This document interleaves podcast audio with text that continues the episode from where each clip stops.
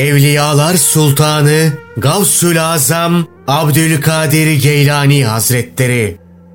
Gunyetüt Talibin Hak Yolcularının Kitabı. Kur'an ve hadislerden öğütler. Mala yönelik günahların tövbesi. Şimdi de mallara yönelik günahlardan nasıl tövbe edileceğine değinelim. Bu kapsama giren başlıca günahları şöylece sıralayabiliriz.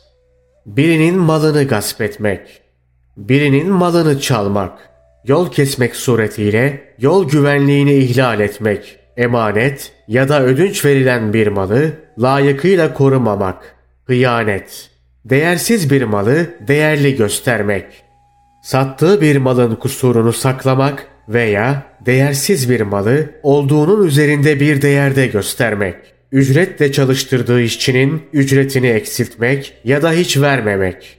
Sadece ergenlik döneminden itibaren değil, ergenlik dönemine girip yararla zararı birbirinden ayırır duruma geldiği günden itibaren bizzat kendisinin işlediği günahlarla ergenlik dönemi öncesinde velisi ve vasisi gözetiminde olup malının onun malıyla karışık olduğu ve velisinin gevşek davranarak başkalarına haksızlık etmesi ve borçlarını savsaklaması gibi günahları tespit eder. Çünkü haram mal bazen çocuğun kendisine ait bir fiille bazen de vasisinin haksız bir fiiliyle onun malına karışmış olup Çocuğun ergenlik sonrasında bütün bunları araştırarak tespit etmesi ve haksız yolla elde edilmiş bütün bu malları sahiplerine iade ederek kendi malını haramlardan ve şüpheli kazançlardan arındırması gerekir. Bundan dolayı o dönemlerle tövbe ettiği zaman aralığındaki büyük küçük demeden her şeyi gözden geçirir. Aksi halde hiç beklemediği bir anda ölüm onun kapısını çalıverir ve hiç sevap elde edemeden ve amellerini düzeltme fırsatı bulamadan kıyamet kopu verir. İşte o zaman vereceği cevaba kulak verilmez ve bu yüzden pişman olur. Ama ne yazık ki pişmanlığı ona bir fayda vermez. Mazeretlerini sıralar ama bunlara itibar edilmez. Süre ister, hiçbir süre verilmez. Şefaat bekler ama kimse ona şefaatçi olmaz. Çünkü o yaşarken sorumluluklarını yerine getirmemiş, uyanıkken, aklı başındayken ve geçimini nasıl sağlayacağını bilirken harama helale hiç dikkat etmemiş, işi gücü nefsinin arzularını tatmin etmek olmuş, heva hevesine ve şeytanına tabi olmuş, Rabbine itaatten yüz çevirmiş, onun emrine uymakta gevşeklik etmiş, ona karşı gelmekte ise pek aceleci davranmıştır.'' Bu yüzden kıyamet gününde onun hesabı pek uzun sürecek, kendi haline acınarak ağlanıp sızlayacak, güçten kuvvetten kesilecek, başı öne düşecek, utancından kaçacak delik arayacak, ileri sürecek hiçbir bahane bulamayacak, iyilikleri ondan alınıp, kötülükleri katlanacak, alışverişinden ziyan edecek, manevi açıdan meteliksiz kalacak, Rabbi ona çok öfkelenip kıskıvrak yakalayıverecek, zebaniler onu kendisi için hazırlanmış olan azaba yolcu edecek ve cehennemde o, Firavun, Haman ve Karun'a komşu olacaktır. Çünkü kul haklarında müsamaha ve af yoktur. Bir rivayette şöyle denilmiştir. Kul Rabbinin huzuruna dikilir. Dağlar kadar da iyilikleri vardır. Öyle ki bu iyilikler sırf ona ait olarak kalsa cennetliklerden olabilecektir. Sonra onun tarafından haksızlığa uğramış olanlar getirilir. Onlardan kiminin namusuna dil uzatmış, kiminin malını almış, kimini de dövmüştür. İşte onlarla onun arasında bir eşitleme yoluna gidilerek iyilikleri onlara verilir. Geriye iyilik namına hiçbir şey kalmaz. Sonra melekler, ey Rabbimiz bunun iyilikleri tükendi ama daha birçok alacaklısı var derler. Bunun üzerine Allah Celle Celaluhu o zaman onların kötülüklerinden bir kısmını alıp bunun kötülüklerine ekleyin ve bunun cehennemliklerden olduğuna dair bir tutanak tutun buyurur. Böylece o eşitleme yoluyla başkalarının günahlarını yüklenir ve sırf bu yüzden mahvolur. İşte haksızlığa uğrayan kişi ona haksızlık eden kişinin iyilikleri vesilesiyle kurtulur. Çünkü uğradığı haksızlığa karşılık bu iyilikler onun hanesine yazılır. Allah ondan razı olsun. Hazreti Ayşe, Hazreti Peygamber sallallahu aleyhi ve sellemin şöyle buyurduğunu nakletmiştir. Günahlar üç türlüdür. Birinci gruptakileri Allah bağışlar. İkinci gruptakileri asla bağışlamaz. Üçüncü gruptakilerse iyilik namına hiçbir şey bırakmaz. Allah'ın bağışlamayacağı günah kendisine şirk koşulmasıdır. Allah Celle Celaluhu kim Allah'ın ilahlığına eş ve ortak koşarsa bilsin ki Allah ona cennet yüzü göstermeyecektir. Böylelerinin ahiretteki ikamet yeri cehennem olacaktır buyurmuştur.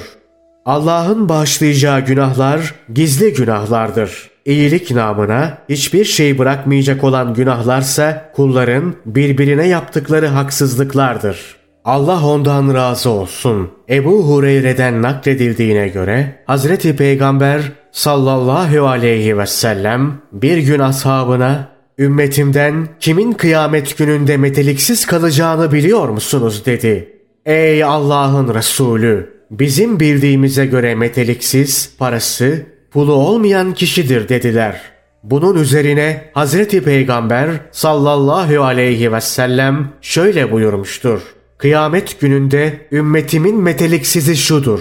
Düşünün ki bir kimse kıldığı namazla, tuttuğu oruçla gelir. Ama kimine sövüp saymış, kimine iftira atmış, kiminin malını yemiş, kiminin kanını dökmüş, kimini de dövmüştür. Haklarına girdiği kimselerden her biri gelerek onun iyiliklerini azar azar alırlar. İyilikleri kalmayınca onların günahlarından alınarak ona yüklenir. Sonra da cehennemi boylar. Bundan dolayı günah işleyen kişi iş işten geçmeden tövbe etmelidir. Allah ondan razı olsun. İbni Abbas'ın naklettiğine göre Hazreti Peygamber sallallahu aleyhi ve sellem şöyle buyurmuştur. Erteleyenler yani daha sonra tövbe ederim diyenler mahvoldular. Allah ondan razı olsun. İbni Abbas'ın ama gel gör ki kafir insan ileride kendisini bekleyen kıyamet, hesap ve ceza gerçeğini yalanlama arzusunu dışa vurup şu kıyamet günü ne zamanmış der. Ayetini şöyle açıkladığı nakledilmiştir. Bu kişi günahları işlemeye devam eder ve ölüm gelinceye kadar nasıl olsa tövbe ederim diyerek tövbeyi geciktirir. Sonra hiç istemediği bir anda ansızın ölü verir. Bilge Lokman oğluna şöyle demiştir. Yavrum tövbeni yarına bırakma. Çünkü ölüm ansızın geliverir. İnsanlara gereken her akşam ve sabah yeniden ve yeniden tövbe etmektir. Mücahit Allah ona rahmet eylesin şöyle demiştir. Her kim sabahları ve akşamları tövbe etmezse kendisine haksızlık etmiş olur. Asılı tövbe iki türlüdür.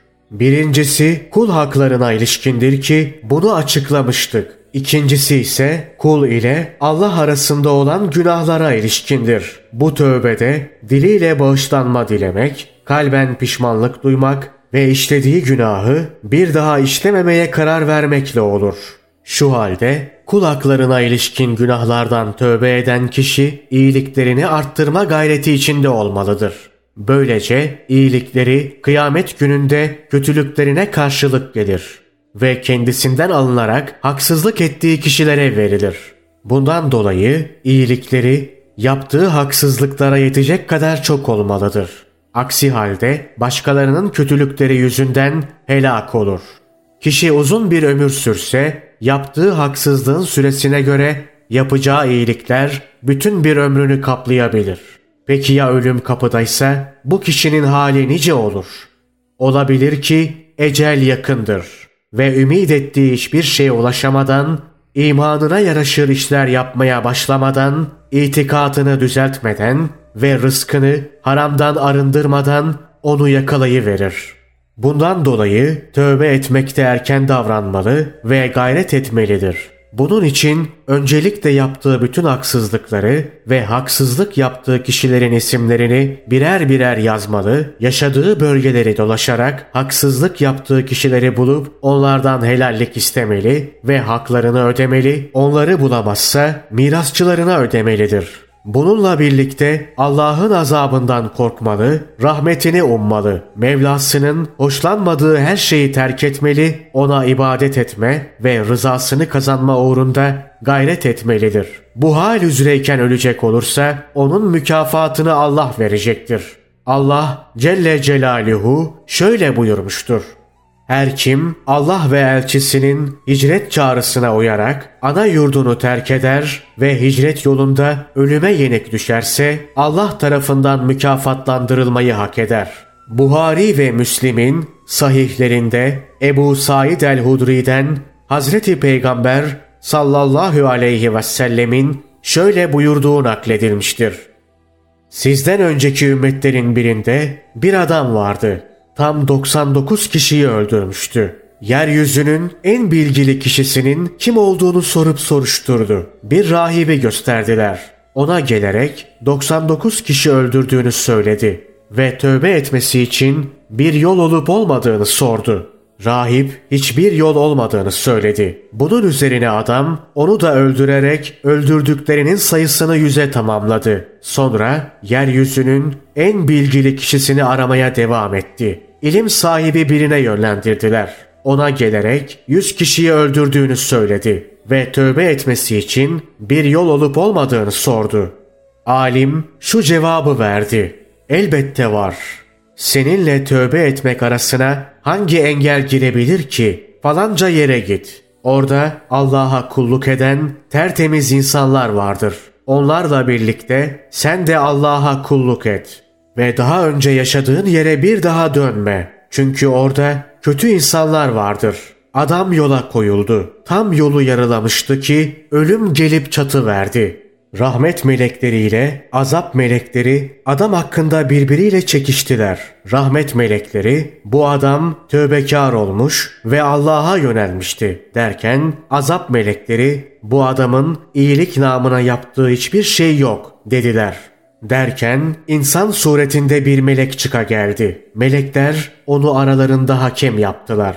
Bunun üzerine o ayrıldığı ve varacağı yer arasındaki mesafeyi ölçün. Hangisine yakınsa oraya ait olsun dedi. Ölçtüler ve varacağı yere daha yakın olduğunu gördüler. Bunun üzerine onun ruhunu rahmet melekleri teslim aldılar. Bir başka rivayetteki ifade şöyledir. Bir karış farkıyla iyilerin köyüne yakın çıktı ve oranın halkından sayıldı. Bir diğer rivayetteki ifade ise şöyledir. Allah ayrıldığı yere uzaklaş, varacağı yere ise yakınlaş diye ferman buyurdu. Sonra hakem kılınan melek ayrıldığı ve varacağı yerleri ölçün dedi. Bir karış farkıyla varacağı yere daha yakın çıktı ve bağışlandı. Bu rivayet kişinin tövbe etme niyet ve gayretinin ona faydası bulunduğu ve iyilikler kefesi birazcık da olsa ağır basmadıkça kurtulamayacağı hususunda açık bir delildir. Bundan dolayı tövbe eden kişi kıyamet gününde hakkını yediği kimseleri hoşnur edebilmek ve farzlarındaki eksiklikleri telafi edebilmek için çokça iyilik ve nafile ibadet yapmalıdır. Nitekim Hazreti Peygamber sallallahu aleyhi ve sellem şöyle buyurmuştur. Nafile ibadetlerinizi çoğaltın ki farzlarınızın eksikliği telafi edilsin. Tövbe eden kişi ayrıca aynı günaha veya bir benzerine bir daha düşmemek konusunda Allah'a sıkı bir söz vermeli ve sözünü tutabilmek için yalnız kalmalı, gerekmedikçe konuşmamalı, az yemeli, az uyumalı, helal rızık aramalı, haramdan ve şüpheli şeylerden kaçınmalıdır. Hem kazanç hem de miras yoluyla eline geçecek haram ve şüpheli şeylerden uzak durmalıdır. Mirasında şüpheli veya haram bir şey varsa bunu ayırarak ondan hiçbir şey yememeli ve kendi malına karıştırmamalıdır. Çünkü günahların başlıca kaynağı haramlardır. Dindarlığın temeli ise helal lokma yemek ve haramdan kaçınmaktır. Hayır ve şer namına insandan ne sadır oluyorsa yediği lokmadandır. Helal lokma hayra vesile olur. Haram malsa şerre sebep olur. Nitekim bir tencerede ne pişiyorsa onun kokusu çıkar. Küpün içinde ne varsa dışarı o sızar. Dinini öğrenmek için fıkıh bilginleriyle ve ehli irfan ile oturup kalkmalıdır. Onlar ona Allah yolunda nasıl yürüyeceğini, ibadetinde nelere dikkat edeceğini öğretecekler ve Allah yolunda yürümenin sırlarını söyleyeceklerdir. Bilmediği yolda yürüyen herkes kendisine yol gösterecek birine ihtiyaç duyar. Ayrıca bütün bu hususlarda doğruluktan ayrılmamalı, samimi olmalı ve gayreti elden bırakmamalıdır. Allah Celle Celaluhu şöyle buyurmuştur. Bizim tevhid davamız uğrunda var gücüyle çaba sarf edenler var ya, elbette biz onlara muvaffakiyet yollarımızı gösteririz. Allah Celle Celaluhu bu buyruğuyla kendi yolunda gayret sarf edenleri başarıya ulaştırmayı üstlenmiştir. Dolayısıyla kişi niyetinde kararlıysa hiç kuşkusuz doğru yolu bulacaktır. Çünkü Allah Celle Celaluhu verdiği sözü tutmazlık etmez ve kullarının hakkına girmez. O, merhamet sahiplerinin en merhametlisi, kullarına sonsuz lütuf sahibi, kendisine yönelenleri mutlu kılan, kendine sırt dönenleri de en güzel şekilde kendi yoluna çağırandır. Oğlu uzun yoldan dönen şefkatli bir anne, nasıl sevinirse o da kulunun tövbe etmesine öyle sevinir. Hazreti Peygamber sallallahu aleyhi ve sellem şöyle buyurmuştur. Bir adam düşünün ki ıssız ve tehlikeli bir bölgede yiyeceği, içeceği ve bütün araç gerecinin üzerinde bulunduğu devesini kaybetmiş ve onu aramaya koyulmuş. Aramış taramış ama nafile. Bulmaktan tamamen ümidini keserek bari devemi kaybettiğim yere geri döneyim de orada öleyim diyerek oraya dönmüş. Sonra gözlerini uyku bürüyüp bir süre uyumuş.'' Bir süre sonra uyanmış. Bir de ne görsün? Bütün yiyecek ve içecekle birlikte devesi başucunda beklemiyor mu? İşte Allah Celle Celaluhu sizin tövbenize hiç beklemediği bir anda devesini başucunda buluveren bu adamdan daha çok sevinir. Allah ondan razı olsun. Hazreti Ali şöyle demiştir.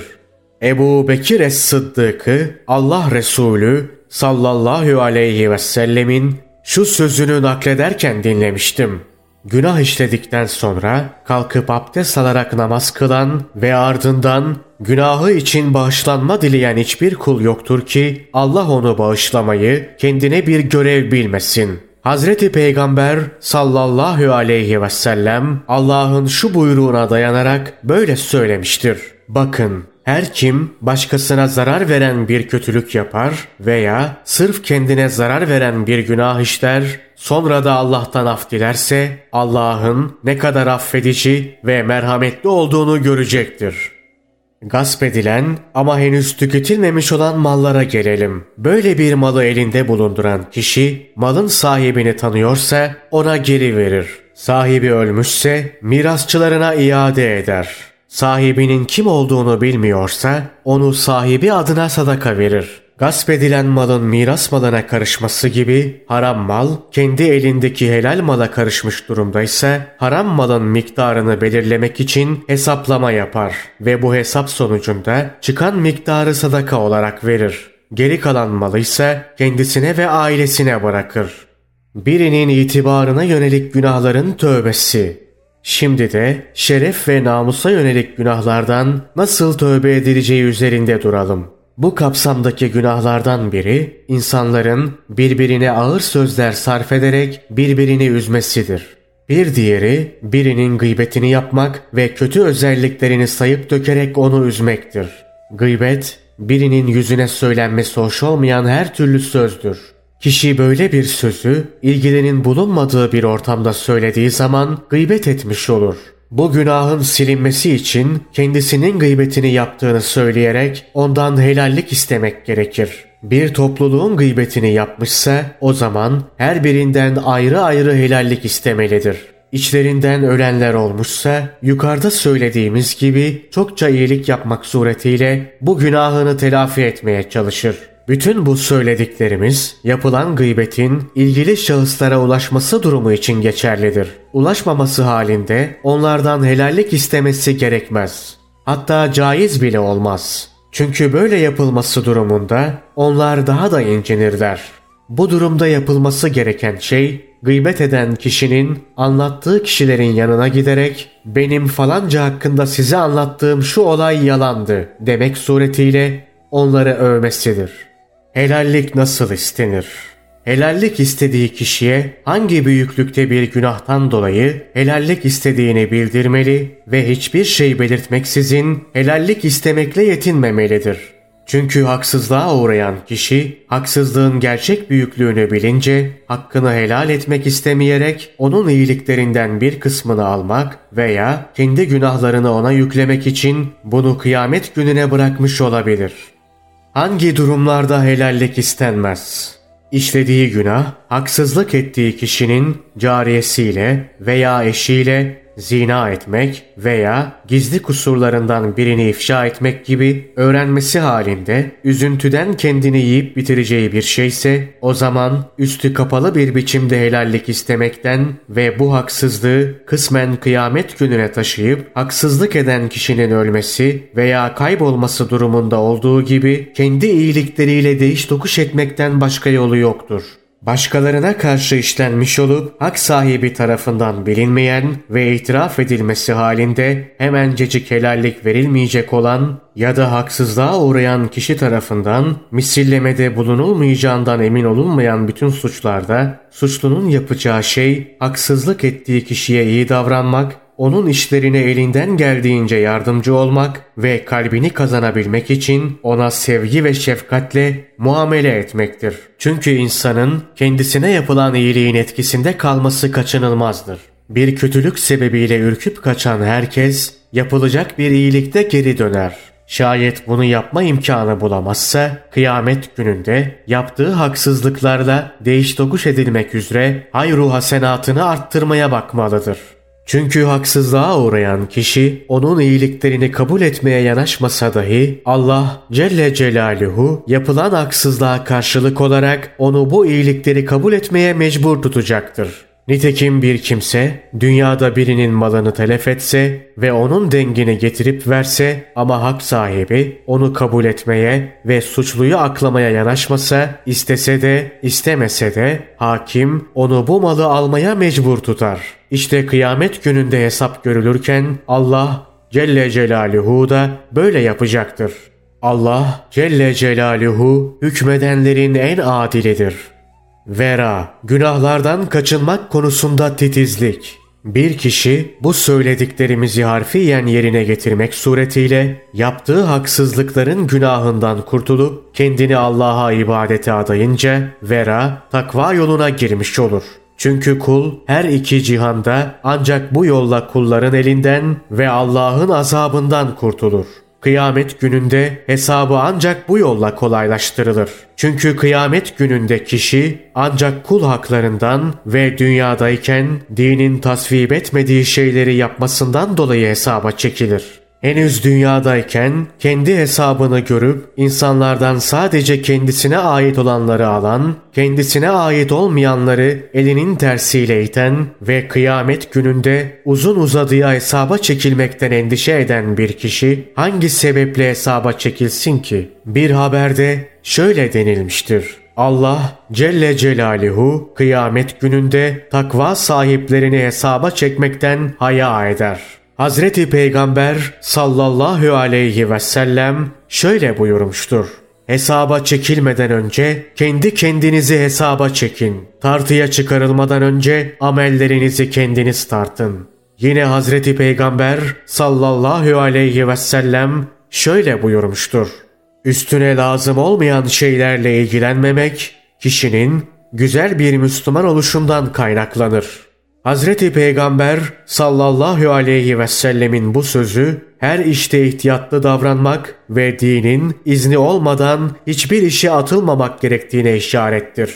Kişi yapılmasında dinen bir sakınca bulunmayan şeyleri yapmalı, değilse vazgeçip başka bir şeye yönelmelidir. Nitekim Hazreti Peygamber sallallahu aleyhi ve sellem şu buyruğuyla buna işaret etmiştir. Seni kuşkuya düşüren şeyi bırak ve kuşkuya düşürmeyen şeyi yap. Yine Hazreti Peygamber sallallahu aleyhi ve sellem şöyle buyurmuştur. Mümin bir şey yapmadan önce biraz duraksar.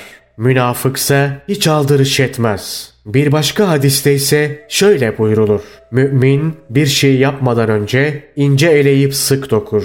Bir diğer hadiste ise şöyle buyrulur. Namaz kıla kıla yay gibi beliniz bükülse, oruç tuta tuta tığ gibi incelseniz, eksiksiz bir takvaya erişmediğiniz sürece bunların size hiçbir faydası olmaz. Yine Hazreti Peygamber sallallahu aleyhi ve sellem şöyle buyurur. Bir kimse yediğinin, içtiğinin nereden geldiğini aldırış etmezse Allah da hiç aldırış etmeden herhangi bir kapıdan onu cehenneme sokar. Allah ondan razı olsun. Cabir bin Abdullah Hazreti Peygamber sallallahu aleyhi ve sellemin şöyle buyurduğunu nakletmiştir. Ey insanlar! Hiçbiriniz rızkınızı tamamlamadan ölmezsiniz. İyisi mi birbirinizle rızık yarışına girmeyin. Allah'tan korkun ve rızkınızı güzel yollarla arayın. Size helal olan şeyleri alın. Haram kılınanları ise bırakın.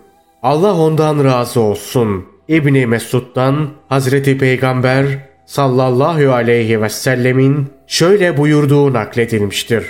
Kazancını haram yoldan elde eden kişi onu sadaka olarak dağıtsa sevap almaz. Harcasa hayrını görmez. Miras olarak bıraktıkları ise ancak onun cehennem azığı olur. Yine Hazreti Peygamber sallallahu aleyhi ve sellem şöyle buyurmuştur.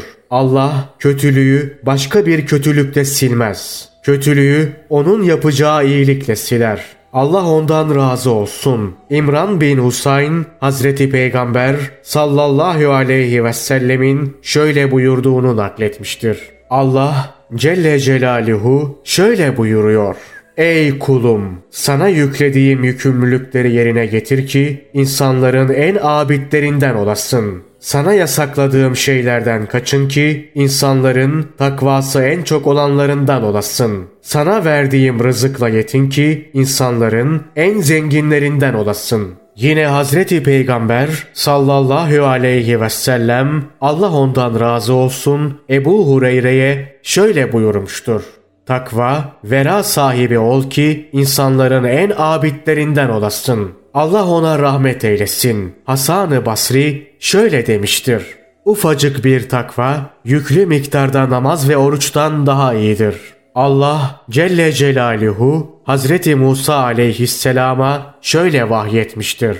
Yakınlaşma arzusunda olanları bana en çok yakınlaştıran şey takva, veradır. Bir bilge şöyle demiştir. Haramdan gelen ufacık bir parayı geri çevirmek Allah katında makbul 600 hacdan daha kabule şayandır. Allah ondan razı olsun. Ebu Hureyre şöyle demiştir. Kıyamet gününde Allah'ın özel konukları, vera ve züht sahipleri olacaktır. Allah ondan razı olsun. Abdullah bin Mübarek şöyle demiştir. Haram yoldan elde edilecek tek bir kuruşu elinin tersiyle itmek, sadaka olarak dağıtılacak yüz kuruştan daha makbuldür. Rivayete göre Allah ondan razı olsun Abdullah bin Mübarek bir ara Suriye'de hadis yazarken diviti kırılmış ve birinin divitini ödünç almıştı. Yazmayı tamamlayınca unutarak diviti kendi divitliğine koydu. Merv şehrine dönüp diviti görünce tanıdı ve derhal hazırlık yaparak Suriye'ye döndü ve onu sahibine iade etti. Allah ondan razı olsun. Numan bin Beşir Allah Resulü sallallahu aleyhi ve sellemin şöyle buyurduğunu naklederdi. Helal de açıktır, haram da. İkisi arasında ise çoklarının bilmediği şüpheli konular vardır. Her kim bu şüpheli konulardan kaçınırsa dinini ve itibarını korumuş olur. Kaçınmayansa harama düşer. Şüpheli şeyler karşısında kalan kişi hayvanlarını bir koruluk etrafında otlatan çobana benzer. Bu hayvanların koruluğa girmesi an meselesidir. Her hükümdarın bir koruluğu vardır. Şunu iyi bilin ki Allah'ın koruduğu haramlardır. Şunu da bilin ki bedende bir et parçası vardır. O sağlıklı olunca bütün beden sağlıklı olur. O sağlığını kaybedince bütün beden sağlığını kaybeder. İşte o et parçası kalptir. Allah ondan razı olsun. Ebu Musa el-Eş'ari'nin şöyle dediği nakledilmiştir. Her şeyin bir sınırı vardır. Müslümanlığın sınırları da takva, tevazu, sabır ve şükürdür. Takva her işi ayakta tutan şeydir. Sabır cehennemden kurtuluş, şükürse cenneti kazanmaktır. Allah ona rahmet eylesin. Hasan-ı Basri Mekke'ye geldiği bir sırada Allah ondan razı olsun Hazreti Ali'nin çocuklarından birini görmüştü. Arkasını Kabe'nin duvarına yaslamış insanlara nasihat ediyordu. Hasan-ı Basri onun yanında durarak dini ayakta tutan şey nedir diye sordu. Adam takvadır diye cevap verdi. Hasan-ı Basri peki dini yıkan şey nedir diye sordu. Adam tamahkarlıktır dedi. Onun bu cevabı Hasan-ı Basri'nin pek hoşuna gitti. Allah ona rahmet eylesin. İbrahim bin Ethem şöyle demiştir. Takvanın iki derecesi vardır. Birinci derecesi asgari takva, vera-u farz olup bu günahlardan kaçınmaktır. İkinci derecesi vera-u hazer ise haram şüphesi taşıyan şeylerden kaçınmaktır. Şu halde avamın takvası haramlardan ve haram şüphesi bulunan şeylerden kaçınmakla olur. Bu kapsama giren takva ile herkes sorumludur. Ve din bunu herkesten talep eder. Havasın takvası nefsin arzuladığı şeylerden kaçınmakla olur. Havassul havasın takvası ise iradeye ve görmeye konu olan her türlü şeyden kaçınmakla olur.'' Buna göre avamın takvası, dünyayı terk etme, havasın takvası, cenneti terk etme, havassul havasın takvası ise yaradan dışındaki her şeyi masivayı terk etme biçiminde tezahür eder. Allah ona rahmet eylesin. Yahya bin Muaz er-Razi şöyle demiştir. Takvanın biri dışa, diğeri içe bakan iki yüzü vardır. Dışa bakan yüzü Allah rızası dışında hiçbir şey için kılını bile kıpırdatmamaktır. İçe bakan yüzü ise kalbine Allah düşüncesinden başka hiçbir şeyin girmemesidir. Allah ona rahmet eylesin. Yahya bin Muaz'ın bir diğer sözü de şudur. Zahmet edip de takva, vera konusunda birazcık da olsa kafa yormayan kişi hiçbir şey elde edemez ve Allah'ın büyük ikramlarına eremez. Bir bilge şöyle demiştir. Her kim takva konusunda layıkıyla kafa yorar ve gereği gibi yaşarsa kıyamette elde edeceği makam çok büyük olacaktır. Bir diğeri de şöyle demiştir. Konuşmada haramdan kaçınmak için gösterilecek titizlik, altın ve gümüş konusundaki titizlikten daha önemlidir. Lider olma sevdasında olmamak, altın ve gümüşe değer vermemekten daha önemli ve önceliklidir. Çünkü kişi altın ve gümüşü zaten lider olmak veya liderliğini korumak için kullanır. Allah ona rahmet eylesin. Ebu Süleyman Darani şöyle demiştir. Takva zühtün başlangıç noktasıdır. Tok gönüllülükse rızanın son noktasıdır. Allah ona rahmet eylesin. Ebu Osman şöyle demiştir. Takvanın sevabı kıyamet günündeki sorgulamanın kolay geçmesidir. Allah ona rahmet eylesin. Yahya bin Muaz er-Razi şöyle demiştir. Vera, takva, kişinin hiçbir yorum yapmaksızın ilme uygun hareket etmesidir. Allah ona rahmet eylesin. İbnül Cela şöyle demiştir. Fakirken takva sahibi olmayan kişi apaçık haram kılınmış şeyleri bile yer. Allah ona rahmet eylesin. Yunus bin Ubeydullah şöyle demiştir. Vera, şüphe duyulan her türlü şeyden sıyrılmak ve her göz açıp kapayışta kendini hesaba çekmektir. Allah ona rahmet eylesin. Süfyan-ı Sevri şöyle demiştir. Vera, takvadan daha kolay hiçbir şey görmedim ve beni rahatsız eden her şeyi terk ettim. Nitekim Hazreti Peygamber sallallahu aleyhi ve sellem de aynı mealde şöyle buyurmuştur. Günah içine sinmeyen ve insanların öğrenmesinden hoşlanmayacağın şeydir. Yine Hazreti Peygamber sallallahu aleyhi ve sellem şöyle buyurmuştur. Günah kalbe acı verir. Bu hadis şu mealdedir. Kalbine acı veren, seni rahatsız eden ve içine sinmeyen şeyleri yapmaktan kaçın. Yine Hazreti Peygamber sallallahu aleyhi ve sellem şöyle buyurmuştur. Kalbi üzen şeylerden uzak durun. Çünkü onlar günahtır. Seni kuşkuya düşüren şeyi bırak ve kuşkuya düşürmeyen şeyi yap. Allah ona rahmet eylesin. Maruf el-Kerhi şöyle demiştir. Dilini birini yermekten korktuğun gibi hak etmemesine rağmen övmekten de koru. Allah ona rahmet eylesin. Bişr bin el-Haris şöyle demiştir.